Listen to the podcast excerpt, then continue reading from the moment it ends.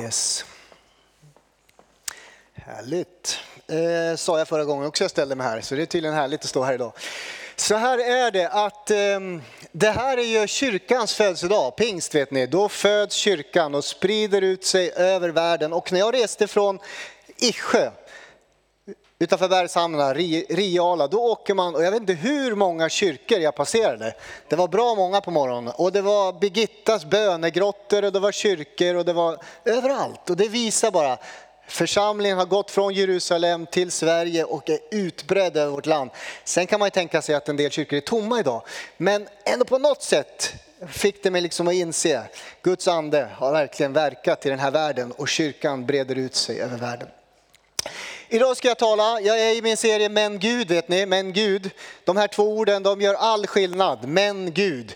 Eh, det vänder allt. När Gud griper in så går man från mörker till ljus, från död till liv, från eh, omöjligt till möjligt, från liksom nederlag till seger därför att Gud grep in i ditt liv. Det är det det handlar om. Och för tio dagar sedan så predikade jag över den här rubriken, ni ska vänta, det var ute i, ute i Haberga. Ni ska vänta men Gud ska sända. Och idag är det samma rubrik fast jag lägger till något. Ni ska vänta men Gud ska sända, helig ande ska komma över er det liksom gör all skillnad i den kristnes liv. Idag kommer det handla väldigt mycket om helig ande. Och se någon som suckar och är trött och seg och less, ah, då kommer jag bli irriterad. För det här, är liksom, det här är det viktigaste. Att du får möta och ta emot den helige ande. Att du börjar leva och gå med den helige ande. Att du får liv från den helige ande. Och jag kan inte framkalla det med entusiasm och spottar här, men jag kan göra det. Men jag önskar att du fick drabbas och fyllas av helig ande idag. Du vet, Lärjungarna levde i väntan.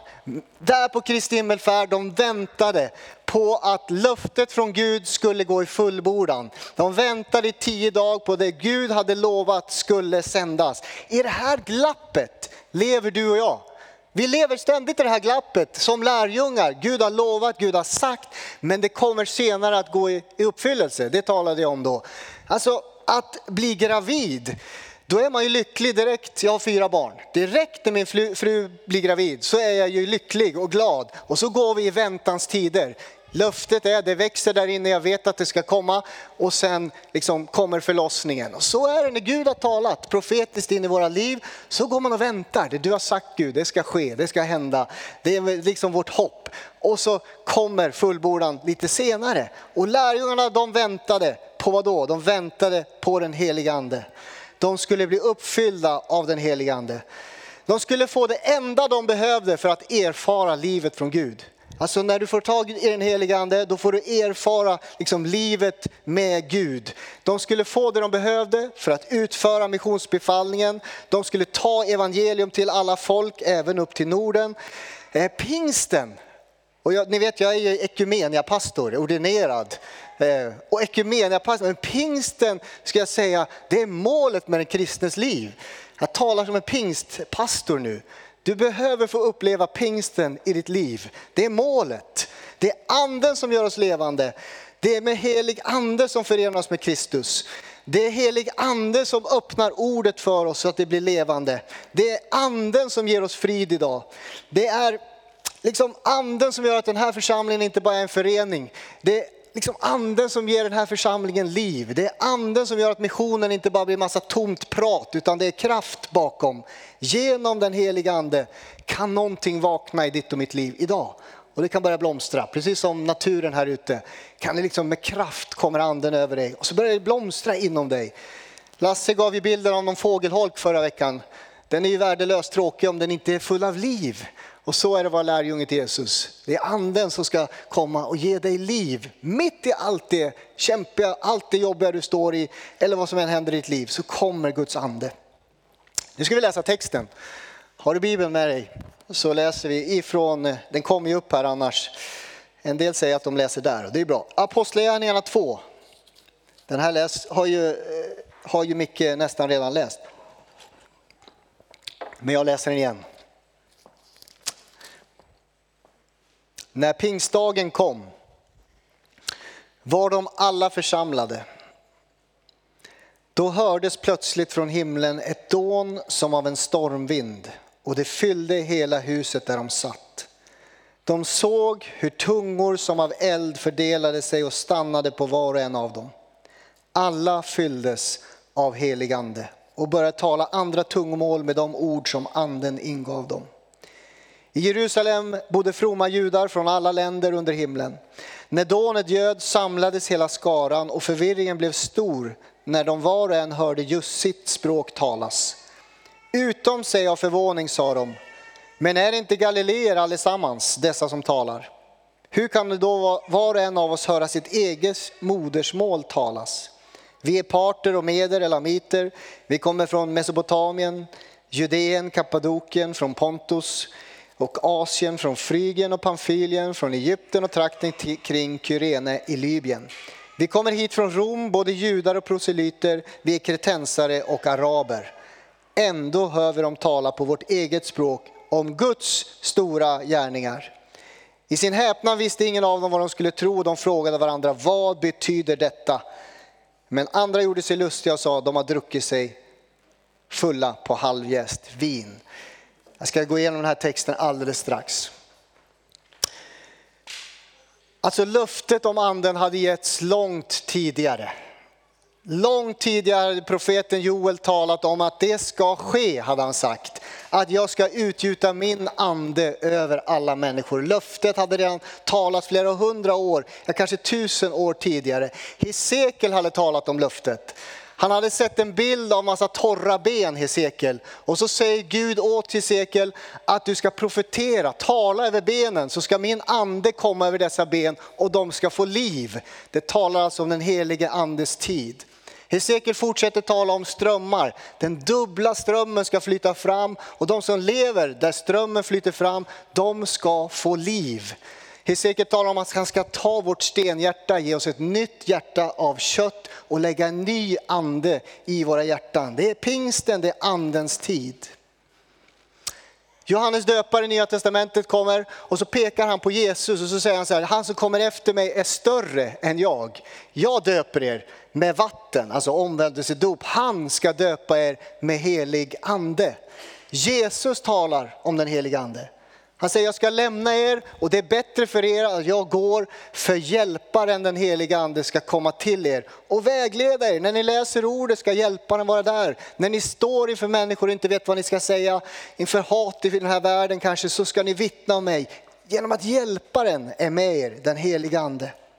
Apostlagärningarna 1 står så här, att Jesus säger åt dem, ni ska stanna i staden Jerusalem och vänta på det som Fadern har utlovat, det ni har hört mig tala om.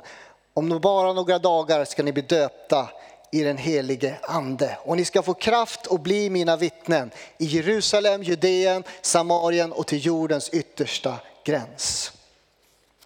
Nu är de samlade i övre salen, de är ungefär 120 personer eller det står 120 tror jag. De väntade på det Jesus hade utlovat och ute på gatorna i Jerusalem, där samlades det massa judar från olika håll med olika språkgrupper. De var judar och proselyter. De hade omvänt sig till judendomen och de var där samlade för att fira den judiska pingsten, shavot. Det betyder veckor. Sju veckor efter påsk så firar de eh, en skördefest men också att lagen hade givits till det judiska folket. Nu är de samlade där för att fira högtid och så kommer då den kristnas pingst som betyder 50 dagar efter påsk. Sju veckor eller 50 dagar kommer pingsten. Och då är det tre fenomen som sker när anden faller. De hör, de ser och de talar. De hör som dånet av en stormvind står det. Som dånet av en storm. Det betyder inte att det blåser i rummet. Ja, kanske ni har tänkt, oh, det blåser storm i rummet. Nej, det står bara som dånet av en stormvind kom Guds ande. De hör ett ljud. Och det här judiska, de, de är judar vid den här tiden, men lärjungar till Jesus. De känner igen de här bilderna. Det här är märkligt för oss, men inte för dem tänker jag. De kunde sin bibel. Gud hade talat till jobb genom en stormvind. Gud hade talat på berget Sinai när lagen gavs. Du vet, det var det de firade, pingsten. så kom det som ett basunljud, ett dån. Och nu är de samlade och Gud uppenbarar sig igen. Som ett dån, som en stormvind lät det i rummet. Och de hörde detta fenomen. Löftet de hade hört om fullbordades där i rummet. De ser. Som tungor av eld. Det betyder inte att det brinner i rummet. Det betyder inte att det ens eh, är, behöver inte ens vara varmt där inne. Som tungor av eld var också en bild av Gud de kände igen. Märkligt för oss kanske, men Gud hade uppenbarat sig som elden gång på gång i gamla testamentet. När Abraham sluter förbund med Gud så ja, de delar köttstycken och allt möjligt. Men sen kommer Guds ande som en låga ner och rör sig mellan köttstycket. Och det är en annan predikan för en annan gång. Men de kände igen bilden av elden. Han uppenbarade sig för Mose i den brinnande busken som inte brann upp. Det var en eld där, det var Gud. Han uppenbarar sig som en månstod på dagen och en eldstod på natten. Han leder Israels folk ut ur Egypten. Jag tänker att de känner igen alla de här tecknen på att Gud var där, elden. Och så börjar de tala. Andra tungomål, det var det tredje fenomenet, än deras eget modersmål. Och då tänker jag de ser kopplingen från Babel. Människor försökte bygga torn, bli som Gud och Gud skingrar om olika språk och människor spreds ut över jorden. Nu i Jerusalem förenas alla människor från olika håll. Ni hörde alla de här folkländerna de kom ifrån och de hörde alla om Guds väldiga gärningar. De hörde alla goda nyheter från Gud på sitt språk. Gud förenar oss och en dag i himlen så ska alla folk, stammar och språk ropa med en enda röst att frälsningen finns hos vår Gud som sitter på tronen hos lammet. De känner igen Gud i de här fenomenen och de börjar antagligen prisa honom för det att han nu har fyllt dem och döpt dem med helig ande. De hör, de ser, de talar. Vi ska ge er tre saker från den här texten som jag, man kan säga hur mycket som helst. Eh, jag har pratat med Mia hela veckan, min kollega.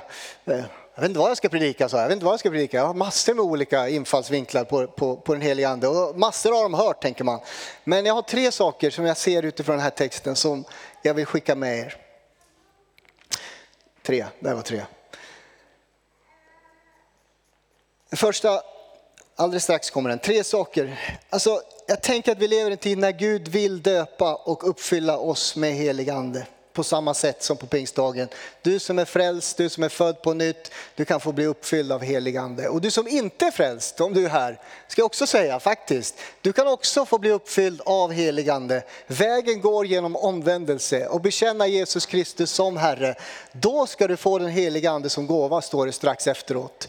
Du behöver alltså vända dig om från din egen väg, du har gått bort från Gud, du har kanske gjort uppror mot Gud, jag vill inte ha med Gud att göra. Så vänder man sig till honom, man böjer sig för honom, det gjorde jag. Jag föll på knä. Eh, och så sa jag, be med mig, sa jag till min kompis, jag behöver bli frälst. Och så bad han med mig och så fick jag börja en ny vandring med Jesus. Och så kan man bli uppfylld av helig ande. Du kan bli frälst idag. Han är nära var och en som vänder sig till honom. Men tre saker som händer när vi tar emot den heliga ande. Det hände med, med, med de här lärjungarna. Det första, lärjungarna blir begripliga, inte obegripliga. Tänk på det en stund. Alltså, vi tänker på pingsten som någon 1900-talsföreteelse och tungotal och, och, och, manifestationer och yttringar, vilket är helt okej, okay, det är också pingsten. Men eh, vi tänker ibland på det som någonting obegripligt, men de blev begripliga, inte obegripliga. Alla hörde på sitt eget språk om Guds väldiga gärningar, på sitt eget modersmål. De var galileer, nästan hånfullt sa man, de var galileer, hur kan de tala vårat språk? Hade de talat galileiska så hade de antagligen inte varit så begripliga för de här människorna. Men nu talar de på deras eget modersmål och blev begripliga. Alla hörde goda nyheter. Tror att vi behöver helig ande för att kunna vittna? Ja, det behöver vi. Det går inte annars. Om vi inte är fyllda av helig ande när vi vittnar, då blir vi obegripliga. Alltså, det är Guds ande som överbevisar och övertygar när du talar om Jesus. Det är Guds ande som kan mana till omvändelse. Sen måste en människa omvända sig själv.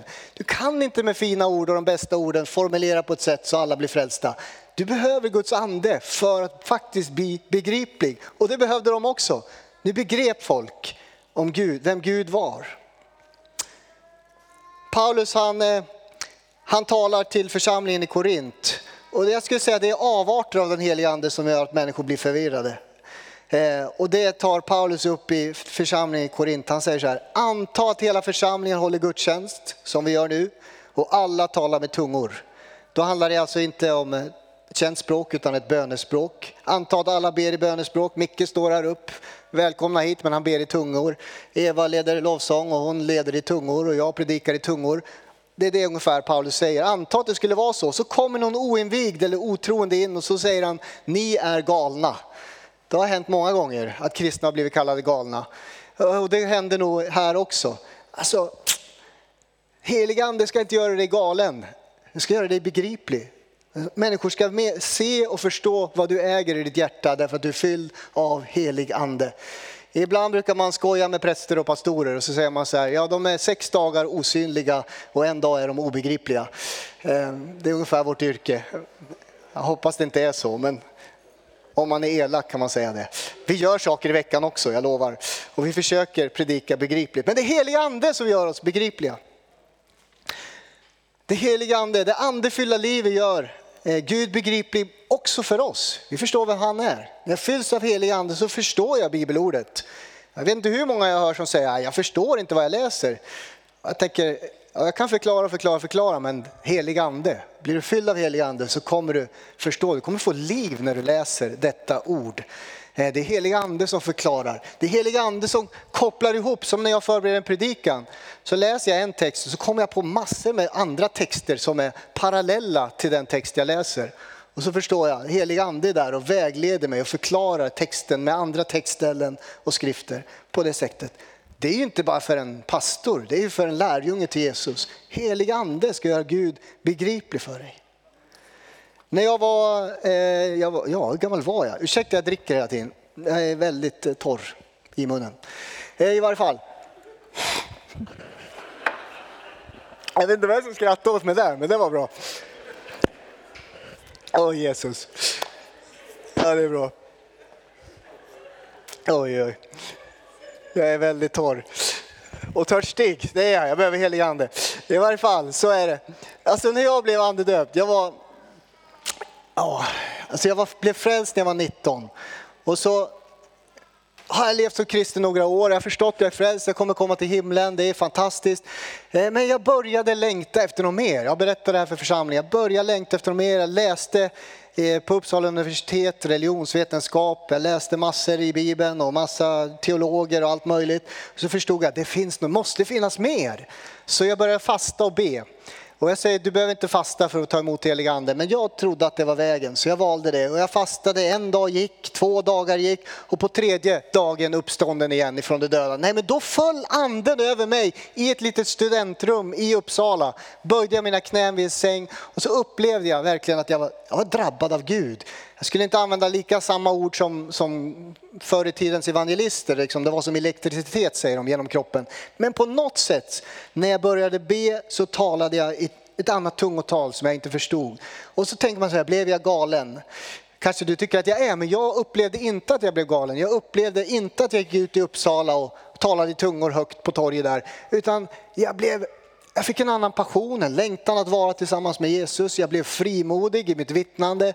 Jag längtade efter att läsa ordet. Det fanns, en, det fanns någonting annat över mitt liv som gjorde att det här måste jag dela med mig. Eh, så det är ju på ett sätt farligt att ta emot helig ande. Därför att du blir annorlunda men du blir inte galen. Du blir inte obegriplig, du blir begriplig. Du vill dela det här med andra. Det gör anden med oss. Det var det första jag skulle säga. Det andra. Pingsten gör lärjungarna gränsöverskridande och inte inskränkta. Ska jag säga, när jag ser det i texten.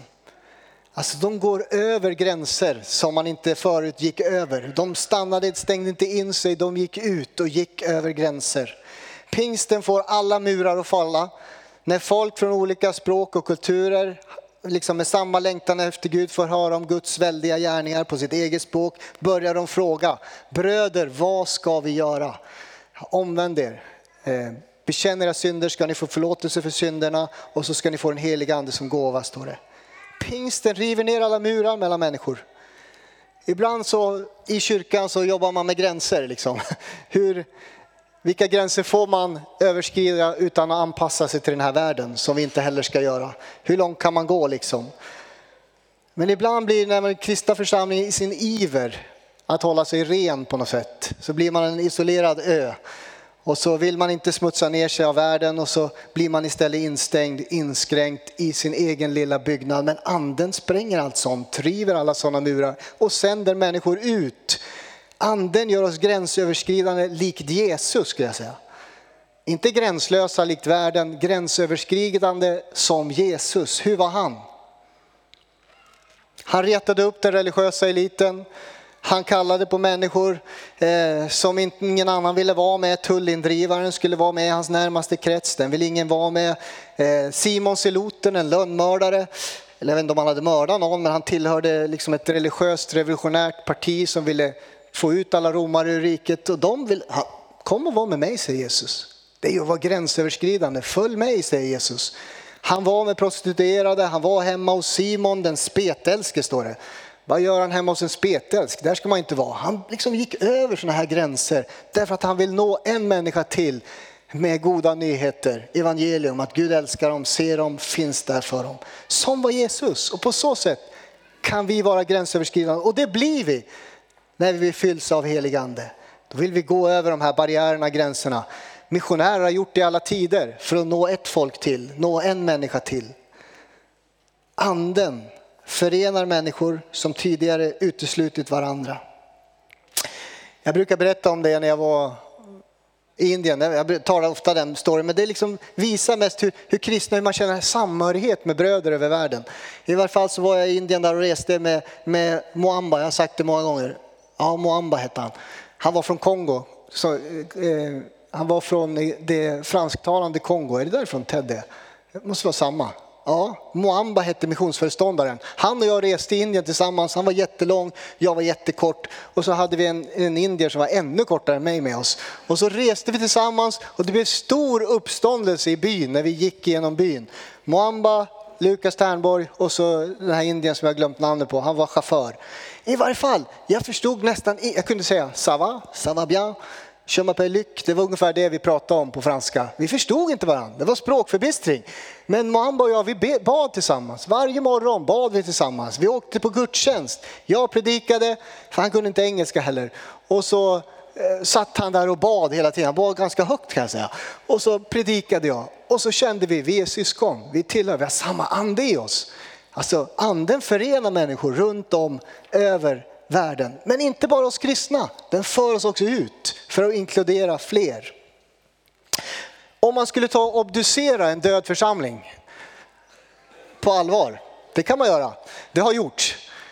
Det finns en bok om det, en man som obducerar döda församlingar. Det betyder alltså Guds församling kan aldrig dö, så den, alltså den kommer bara fortsätta segra, den kommer fortsätta växa, den kommer fortsätta breda ut sig. Till exempel nu i Ukraina, pratar med en kompis som har startar församlingar i Ukraina. Han säger att hela staden är söndersprängd och församlingen är upplöst, men de breder ut sig. Församlingen kommer inte dö. De kommer breda ut sig, det kommer starta nya församlingar. Han är helt förvissad om det. I varje fall, men om man obducerar en lokal församling, kyrka, som inte finns längre, då kan man se spår av vad är det som har hänt. Varför dog den här församlingen? Det är det den här forskaren eller kristna teologen har försökt göra. Jag ska ta upp det i en annan predikan, eller med ledningen tror jag jag ska göra det någon gång. Och då ser man olika spår och det de säger är att de har blivit inskränkta. De har börjat titta liksom inåt på sig själva och de har börjat hylla det förflutna hela tiden. Det finns flera sådana här spår. Och de var inte längre intresserade av dem utanför. Det är liksom bara några tecken på att det är på väg att gå utför. Man är heller inte längre med i samhället, faktiskt. Man hänger inte med i det som sker i tiden och då menar jag inte att vi ska bli liberala och följa samhället. Ni vet, liberal betyder att vara kulturtillvänd. Kultur betyder det alla människor gör, det skapar kultur. Så det alla människor tycker, det tycker vi kristna också, oavsett om de tror på Jesus eller inte. Det alla människor gör, det gör vi också, för det gör ju de, då gör vi det. Nej, kristna, vi är inte liberala, vi tror på Guds ord. Vi följer det, den här sanningen och lever för den. Inte vad opinionen i världen säger, utan Guds ord går före. Eh, men man kan ändå hänga med i tiden, det är det jag försöker säga. liksom, kristna, vi, en del, man kan anklaga oss för faktiskt att, att hissa flaggan när andra tar ner den. Vi ligger efter hela tiden. Vet, man tar ner den på kvällen, man sitter upp den på dagen. Och så kommer kristna efter när vi borde ligga före, vara profetiska. Anden vet ju vad som ska ske framöver. Vara med i tiden och vara relevanta 2022. Jag säger det här är ju inte lätt. Det handlar om att be Gud, Guds ande, visa oss vad, folk, vad som rör sig i människors hjärtan just nu. Så vi kan vara med där. Eh, Markus när jag var och hälsade på honom, jag vet inte om han sa tre gånger i varje fall. Eh, jag tror han sa det minst tre gånger. När vi satt och pratade där vid bordet och barnen var runt omkring oss. Så sa han så här, ja du vet kyrkan vi, vi är till för icke-medlemmar, vi måste nå ut, vi måste nå ut, vi måste nå ut. Och det är verkligen det som är sant. Anden får oss att liksom bryta murar så vi når ut till människor utanför den här byggnaden. Hela tiden nå ut. Vi är den enda institution, organisation som finns till för oss, våra icke-medlemmar. Den som ännu inte tror, det är det som är vår existensberättigande. Annars är vi snart Snart kan vi obducera oss om vi liksom inte förstår att det är det anden gör med oss. Sänder oss ut till andra, en till måste få höra om Jesus. Det här var liksom viktigt för Markus att berätta för mig. Det var det andra jag skulle säga. Vi river ner murar när vi är fyllda av helig ande för att nå en människa till. Det tredje och sista. Lärjungarna blev profetiska, inte moraliska eller moralister. Jag ska förklara vad jag menar. De blev profetiska. Alltså anden utgöts, Joels profetia blir upp, går i uppfyllelse, era söner och döttrar ska profetera. Vad handlar det om? Alltså församlingen som är profetisk föds. Paulus fortsätter vägleda församlingen i Korint. Han säger så här, anta att alla talar profetisk. Alltså det är strax efter det här med tungotalet. Anta att alla talar profetiska ord från Gud. In i människors liv, in i deras situation, det är jag som lägger till. Och en otroende kommer och blir genomskådad av Gud. Ja, allt som finns i hans innersta blottas. Det blottas inte för att dömas, inte för att moral, liksom säga att du har dålig moral, utan för att rädda. Då kastar han sig ner och tillber Gud. Hos er finns verkligen Gud. När församlingen blir profetisk, när du i ditt vittnande blir profetisk, då förstår de. Gud är med dig, Gud finns i dig. När jag var 19 år gammal, då blev jag frälst. Då hängde jag med, med en massa kristna i två veckor. Och jag kan säga, jag var inte en jättebra eh, människa. Jag både talade dåligt och gjorde dåliga saker och betedde mig dåligt. Jag behöver inte gå in på allt det. Men vad som hände var, det var inte så att de ville berätta för mig, du har en väldigt dålig moral. Du behöver skärpa till dig, annars kan du inte bli kristen. Det var inte på det sättet alls, utan det fanns ju någonting i dem som gjorde att jag sa, det här vill jag ha, det ni har, det ni äger. Det var ju anden inom dem såklart. Och så fick jag kasta mig ner på knä, där vid knäfallet på Öland. Och så bad de med mig. Därför de ägde någonting som jag ville ha. De pekade inte på, du gör fel. Ibland kan man tro att kyrkans största uppdrag är att liksom rätta till det moraliska förfallet i samhället. Moralen den svarar på frågan vad är rätt och fel? Vad är förbjudet och tillåtet? Det är inte vår viktigaste uppgift, även om det inte är oviktigt. Det är jätteviktigt. Utan vi kallar det vår profetröst. En profet talar in i människors liv och när de själva möter Jesus, då vandrar man radikalt annorlunda. Du blir en ny skapelse, någonting nytt har skett. Du upprustas i ditt inre och får en ny moral. Inte för att någon har berättat att du gör fel hela tiden, utan Gud själv rör vid dig. Och så vandrar du efter anden istället efter, efter köttet, säger, säger Bibeln. Det står så här, Genom anden ska jag lägga min lag i era hjärtan, står det i Hebreerbrevet 10. Du vet lagen som gav på Sinai var på stentavlor. Nu ska den läggas i våra hjärtan. Alltså, vi vet vad som är rätt och fel därför att vi äger anden. Guds ande bor i dig. Så då handlar det om att leva i bön och vandra i anden. Annars så vandrar man i köttet. Och så vet man vad som är rätt väg. När anden strömmar in i människan då börjar man se världen med nya ögon. Med ny kärlek på världen skulle jag säga. Jag hörde om en läkare, han gillar inte patienter. Problem tänkte jag. Det är sant, han har vittnat om det. Han gillade inte sina patienter. Han tyckte väldigt illa om patienter. Han tyckte de var jobbiga, de hade mycket problem. De var sjuka. Jobbigt med patienter, men han ville vara läkare. Och sen blir han frälst. Det är han som säger det, jag blev frälst. Och så såg jag och förstod ju Jesu ord. Det är ju inte de friska som behöver en läkare, det är de sjuka. Då förstod han varför han var där. Det är ju bra att han fattade det till sist, att Jesus öppnade hans ögon. Och så fick han en ny kärlek för de patienter han mötte. Jag tror att de samtalen blev bättre. Men det händer någonting i hjärtat. Vi ser världen på ett annat sätt. Pingsten gör lärjungarna profetiska i sin tid. Jag satt och samtalade med ett par en gång. Jag vet inte hur mycket och hur länge, under hur lång tid jag hade samtalat med det här paret.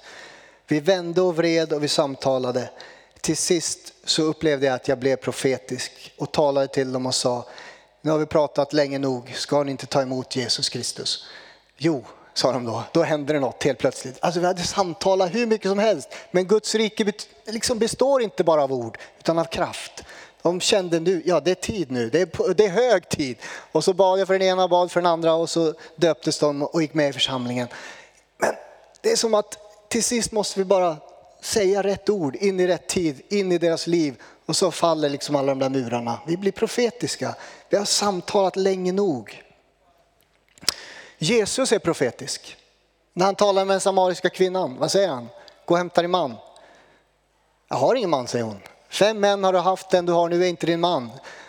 Och känner hon att hon, han är liksom på och pekar på hennes fel och brister? Nej. Hon säger, du är en profet. Och så får hon ett förvandlat liv och så går hon och vittnar om allt som Jesus har sagt om henne.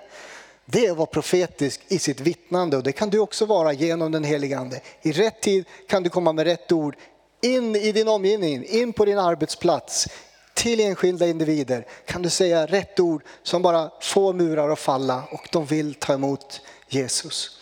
Guds rike består inte av ord utan av kraft. Guds rike kommer inte bara med ord utan med kraft står det i första Thessalonikerbrevet.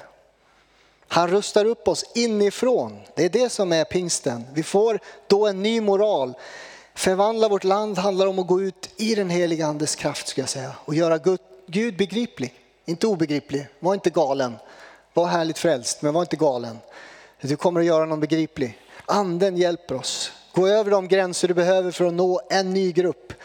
Det handlar om att vara profeten i den här tiden som leder människor till Jesus. Så får han rusta dem och ge dem en ny moral. Nu ska vi be. Helig Ande kom. Tack Jesus. Tack för ditt ord Herre.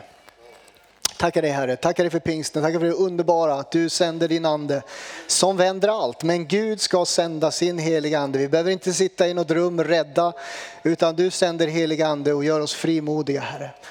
Stolta, glada, liksom, lyckliga över vad vi äger i dig Jesus Kristus. Tack att du är det bästa som har hänt oss Herre. Tack att heliga ande är det bästa som har hänt oss Jesus. Tack för att du sänder din ande och tack för att du sänder oss ut Herre tala om dig. Var vi än är så vill vi tala och berätta om dig Jesus.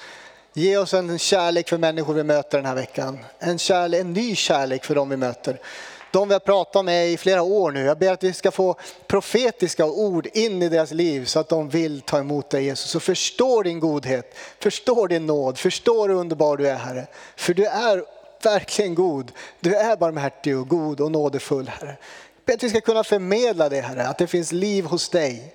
Tack Jesus, inte hur, på grund av hur vi känner oss utan på grund av att du bor i oss och lever i oss Herre. Du kan komma nära genom din heliga Ande. Tack Herre.